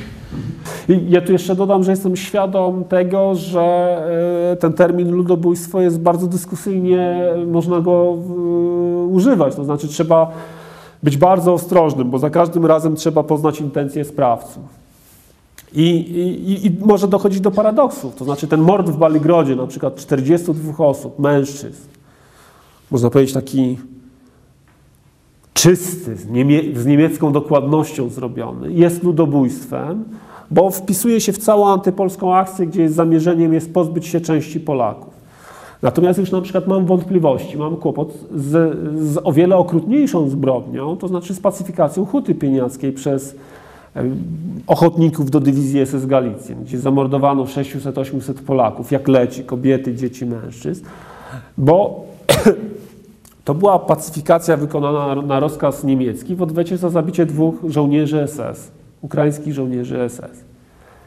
I teraz w gruncie rzeczy to jest tak jak właśnie e, e, z, z tymi miejscowościami greckimi, włoskimi, gdzie, gdzie to raczej jest zbrodnia wojenna, prawda? Zbrodnia wojenna i zbrodnia przeciwko ludzkości, ale, ale w związku z tym piętro niżej, mimo że no, gołym okiem widać, że jednocześnie jest to zbrodnia e, okrutniejsza. Ja nie chcę przesądzać, to prawnik powinien się wypowiedzieć, czy to jest, czy to nie jest, ale zdaję sobie sprawę z tych wszystkich paradoksów używania tego typu, e, e, tego typu terminów, że podobna zbrodnia, podobne dwie zbrodnie, z pozoru jak dwie krople wody, mogą mieć zupełnie inną klasyfikację, e, klasyfikację prawną, ponieważ może być inna intencja sprawców. I na przykład przenosząc to na doświadczenia polskie. To na przykład ukraińska wieś Sachryn spacyfikowana przez AK, gdzie ginie kilkuset Ukraińców, moim zdaniem nie jest ludobójstwem, ale jest zbrodnią wojenną, bo jest palona, ci ludzie są zabijani w odwecie, w prewencji, można powiedzieć. W prewencji, żeby tutaj nie, nie przyszły mordy. Natomiast wierzchowiny, Mam wrażenie, że ten mord, gdzie, gdzie NSZ-owcy wchodzą i zabijają 200 Ukraińców w czerwcu 1945 roku, gdzie już nie ma antypolskiej akcji, gdzie ta wieś jest no zupełnie taką ukraińską wyspą w polskim morzu, w powiecie krasnystaskim, no właściwie analogicznie wygląda tak jak z tymi pacyfikacjami dokonanymi przez oddział Burego na Białostoczyźnie Białorusinów. I tutaj Prokuratorzy IPN-u w wypadku Białorusinów uznali, że oddział Burego popełnił zbrodnię ludobójstwa. I mam wrażenie, że w Wierzchowinach e, była, no doszło do takiego aktu ludobójstwa. To znowu nie chodzi mi o zrównanie, broń Boże, tego, co robili NZ-owcy z upowcami, prawda? Tylko mówię, że w tej jednej wsi można mówić, że, to, że ta definicja być może, e, e, być może jest spełniona. I ostatnia już rzecz, którą, no właśnie, bo to jest bardzo ciekawy problem w ogóle z tym ludobójstwem. To znaczy, wszystko zależy od tego, czy definicję ludobójstwa stosujemy bardzo wąsko, zastrzegając to do takich wielkich zbrodni, czy stosujemy szeroko, nawet do zbrodni, y, zbrodni niewielkich. I w polskim prawie, w polskim prawie, to wyroki IPN-u czy, czy, czy, czy kwalifikacje śledcze IPN-owskie na to wskazuje, stosuje się taką wąską formułę, prawda? Jeżeli pacyfikowanie tych białoruskich wsi przez Burego prokurator uznaje za mające charakter ludobójczy, no to dlaczego Wołynia ma nie uznać, prawda? Na znacznie większą skalę i tak dalej. Y, Natomiast na Ukrainie y, wy, wygrywa ta opcja, żeby to ludobójstwo zastrzegać do tych wielkich zbrodni. I przypomnę, Ale, ale y, wydaje mi się, że Lenkin gdzieś y, sprecyzował i właśnie opowiedział się o rozumieniu tym, tym tylko tym, tym, tym, tym wielkim y, zbrodniom przypisał. Tak, tak mi się wydaje, że, że taką jego wypowiedź gdzieś czytałem. Ale oczywiście ja rozumiem przy takim, przy, przy sprecyzowaniu, rozumiem intencje i i jeśli się zastrzega, wyjaśnia się w jakim rozumieniu, to wszystko już jest Nie, nie, więc ja oczywiście dopowiadam, wyjaśniam, mm, ja wyciągam jak gdyby wnioski na, na, na własną odpowiedzialność i własny użytek z tej klasycznej definicji przyjętej przez ONZ. Też z dużą nieufnością patrzę na te niektóre definicje tworzone, aktua- tworzone przez nowych badaczy, prawda, którzy zajmują się tym, zajmują się tym. Jeszcze chciałem coś powiedzieć o, o, o z y, Ukraińcami, bo to jest tak, że y, coś tam czytałem na ten temat. Y, w życiu nie bardzo mam wiedzę historyczną, y, ale y, po pierwsze wychowanie PRL-owskie y, wszyscy znamy w szkołach to było i tłuki, i nie było innej wizji. Y, Ukraińcy wstrętni, co zresztą zostało zaszczepione. Zresztą to było po, nie wiem, dobrze chyba w społeczeństwie przyjęte takie, takie pojmowanie y, w sumie wszystkich mniejszości. Ale o Ukraińcach tylko się mówi, że mają czarne podniebienie, chyba nie ma żadnego innego. No, e, przede wszystkim. Prawda.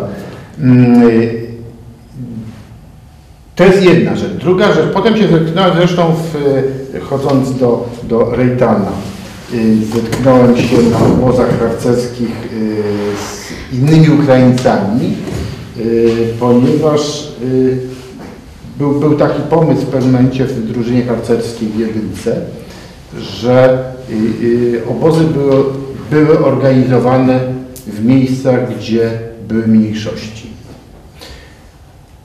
To różnie wychodziło, to, tam nie było specjalnego nacisku na to kładzionego, no ale, ale jeździliśmy. No i, i, i w ten sposób zobaczyłem wiem, yy, Ukraińców pod Białym Borem, yy, Tatarów pod Białym Stok i tak dalej.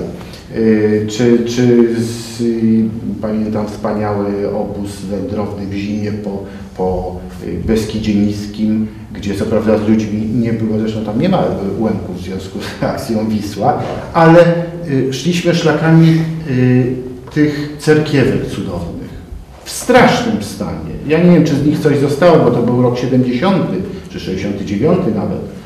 Mm, Ale wtedy było, no, y, wchodzi w śniegu popasnie, czasami szliśmy, wchodzi, jest cerkiewka i nie ma nic, dachu, ściany się walą, ale jeszcze ikonostas cały był. No coś nie, nie, niesłychanego zupełnie. To zostało pewnie zniszczone. O Ukraińcach bardzo źle się mówiło. Ukraińcy, jak, jak docieraliśmy ich do nich gdzieś właśnie wywiezionych pod Białym Borem, czy, y, to oni się nigdy nie przyznali. Nie, nie wolno było, bo jak się zadało pytanie na temat y, Ukraińców, to się zamykali i wręcz wypraszali ze wsi. Nikt z nami nie rozmawiał. Ta nieufność trwała. Ja podejrzewam, że trwa dalej. Y, I to jest, tak jak sobie myślę o tym wybuchu, paroksyzmie na Wołyniu, to myślę sobie, że z polskiej strony w stosunku do Ukraińców przez lata narastały zachowania y, nieprzyjemne, odrzucające, potępiające, które w pewnych sprzyjających warunkach odbiły się. Ci Ukraińcy, których spotykałem w latach 70., byli pełni nienawiści do Polski. Nie wiem w którym pokoleniu, bo to, bo to już w którymś pokoleniu było. A, y, a z kolei y, taką śmieszną rzecz przeżyłem, y, jak była rewolucja pomarańczowa. I wracałem z demonstracji y, pod ambasadą z pomarańczową wstążeczką. Wszedłem do siebie do domu, wchodziłem do, na, mieszkam na y, czwartym piętrze.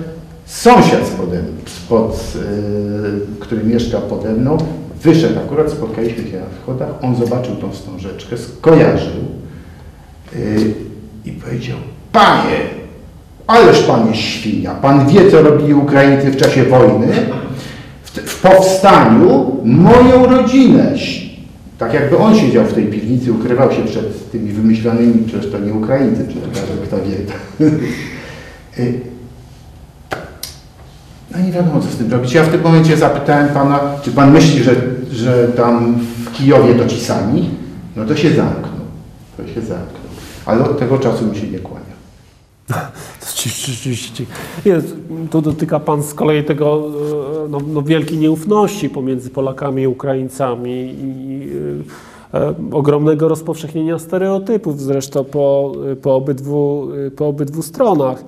E, Szczególnie, że, że tak powiem, bolesnych, że w PRL-u jeszcze, no, tak jak Pan słusznie zwrócił uwagę, w gruncie rzeczy władze pielęgnowały taki obraz e, złego Ukraińca, Rezuna, który nacjonalisty, prawda? Który, inaczej, Ukraińca nacjonalisty, który jest Rezunem. I w gruncie rzeczy tworzyły taki obraz, że każdy Ukrainiec, który chce niepodległości, jest Rezunem, bo niepodległa Ukraina będzie zagrażała Polsce i, e, Polsce i Polakom. I, e, e, a z tym się wiązały dla mniejszości ukraińskiej w Polsce bardzo e, no, szczególne uciążliwości. To znaczy, to była grupa traktowana z ogromną nieufnością, nieustannie pod nadzorem służby bezpieczeństwa. Ci ludzie rzeczywiście wiele wycierpieli.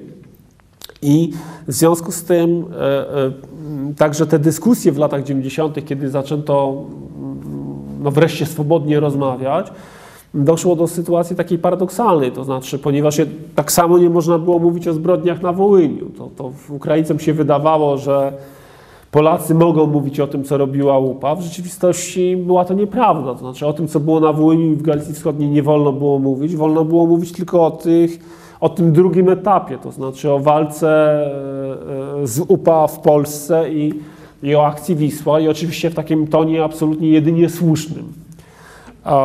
I to doprowadziło do sytuacji, że w latach 90. doszło do burzliwych dy dyskusji pomiędzy mniejszością ukraińską i Polakami w Polsce, gdzie mniejszość ukraińska mówiła, akcja Wisła była zła, trzeba ją potępić. Wołyniacy mówili, ale zbrodnie na Wołyniu były złe i trzeba je potępić. I e, obydwie strony w tej dyskusji, co ja szczerze mówiąc do końca do dzisiaj nie potrafię tego e, zrozumieć, jednocześnie e, uważały, że ich stanowisko przeczy tej drugiej, te, temu drugiemu stanowisku. Podczas gdy ja już w latach 90. No, uważałem i do dzisiaj tak uważam, że zła nie można usprawiedliwiać złem. To znaczy ci, ci mają rację. To znaczy ci cierpieli na Wołyniu w Galicji Wschodniej z ręki UPA, ci cierpieli w 1947 roku z ręki Wojska Polskiego wysiedlani. I to i to było zło, zło inne, innego charakteru, ale jedni i drudzy byli, byli ofiarami. W związku z tym no, do dzisiaj też uważam za dosyć no, moralnie niskie, tak to nazwijmy, wyzwania, żeby w ogóle żądać od mniejszości ukraińskiej w Polsce jako takiego e, warunku, żeby uznać ich za pełnoprawnych obywateli, że oni uznają akcję Wisła za dobrodziejstwo. A tego typu głosy można się do, dopatrzyć w publicystyce, że jeżeli Ukrainiec jakiś mówi, że akcja Wisła była zła, to niemal od razu się uważa, że on jest niechętny państwu polskiemu. No, żądać od niego, żeby krzywda, która dotknęła jego rodziców, dziadków, mm, żeby on uznał, że to było dobrodziejstwo, naprawdę uważam za coś, no, delikatnie mówiąc, e, e, delikatnie mówiąc e, przesadzonego. Natomiast no, nie ukrywam, że też o tym, jak to jest szeroko rozpowszechnione, e, Także w dyskusjach, tutaj nawiązuję też do Pana dyskusji, gdzie ja się często w takich spotkaniach z ludźmi spotykałem z takimi wezwaniami, wręcz niech Pan ujawni, że Pan pochodzi z ukraińskiej mniejszości narodowej, prawda, że jest Pan członkiem Związku Ukraińców w Polsce i tak dalej i tym podobne.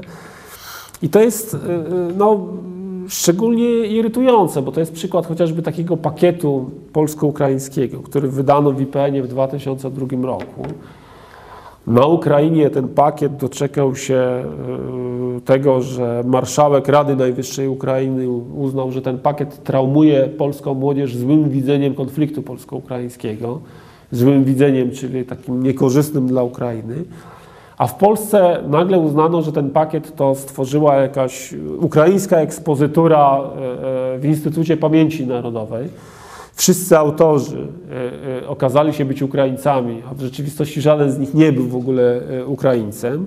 W końcu, kiedy w 2006 roku, wbrew intencjom, wbrew sugestiom autorów tego pakietu, władze IPN-u zdecydowały, żeby rozesłać, dodrukować ten pakiet razem z innymi pakietami w ilości 10 tysięcy egzemplarzy i rozesłać po wszystkich szkołach, co no, było bez sensu, bo on został wydany w 2002 roku. Jego celem było pokazanie dyskusji polsko-ukraińskiej w literaturze. A, a, tak się przypadkowo zużyło, że w 2003 roku doszło na Ukrainie do wielkiej dyskusji na temat rzezi wołyńskiej. W związku z tym pakiet się w 2003 roku w sposób normalny zdezaktualizował, to znaczy należałoby go uzupełnić o, o tą dyskusję roku 2003. Podjęto taką decyzję o rozesłaniu do wszystkich szkół. To oczywiście doprowadziło do zarzutów, że, że, że, że w jest piąta ukraińska kolumna, prawda, ukryta. I, i, i, że to jakaś, jacyś Ukraińcy stali za tym.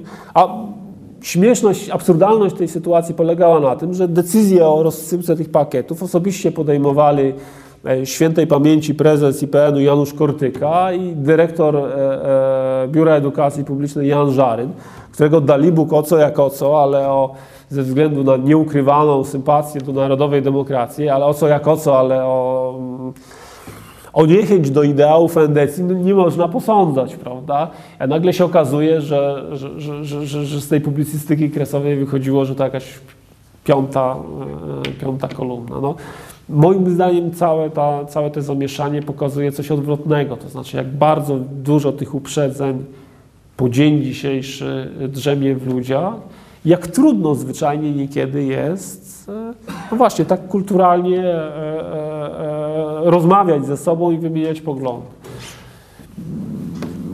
To spotkanie, nie ukrywam, jest jednym z takich spokoj, spokojniejszych i cichszych spotkań. Bardzo często te spotkania są, są, są bardzo mocne, pełne emocji. Ale w Polsce. Nie, nie tylko. Proszę mi wierzyć. Ja mieszkałem dwa lata w Lwowie i nie spotkałem się z niechęcią do Polaków. A w różnych sytuacjach. Ale ja nie mówię, wie pan, że spotyka, nie, nie, że z nie, niechęcią. Tak. czy wie pan, czy jakieś odruchy, czy jakieś półsłówka, no bo to jak to w życiu, prawda? W. Mhm. A szczerze mówiąc, nie spotkałem się z czymś takim. Ja mówię o spotkaniach, które zawsze zamieniają się, i mam takie doświadczenie, zawsze zamieniają się e,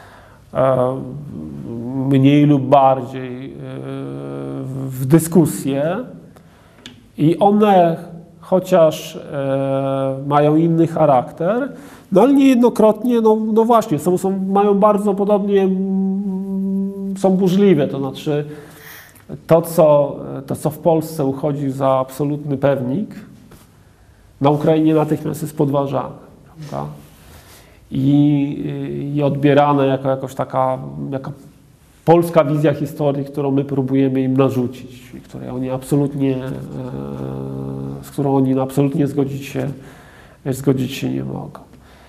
I, i i ta dyskusja jest troszkę inna, dotyczy trochę innych, e, trochę innych kwestii, ale naprawdę proszę mi wierzyć, że ona jest, jest, jest, jak najbardziej burzliwa. To znaczy niejednokrotnie miałem tego typu doświadczenia, zresztą, zresztą mógłbym pokazywać publikacje, e, publikacje prasowe, gdzie, gdzie nie wiem, pisano, e, pisano o mnie właśnie badacz czy prokurator na przykład, jak, jak opublikowałem opublikowałem rozkaz Centralnego Prowidu y, OUN nakazujący wypędzanie Polaków z Galicji Wschodniej. Napisałem, że taki rozkaz był. To w naszym słowie napisali właśnie badacz czy prokurator, taki wielki artykuł.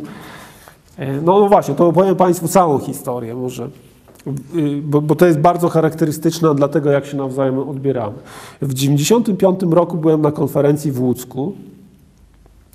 Jako młody historyk, Wygłosiłem referat, mi się wydawało, że absolutnie spokojny, konflikt polsko-ukraiński na Wołyniu w świetle polskiej historiografii, gdzie mówiłem nie o tym, co ja uważam, tylko o tym, co uważają polscy historycy. E, Skróciutki taki skrót, ponieważ zawsze na Ukrainie tak jest, że trzeba przysłać skrypt wystąpienia przed i oni to drukują. Wystąpienia potem już nie, ale skrypt wydrukują na konferencję już w ogóle.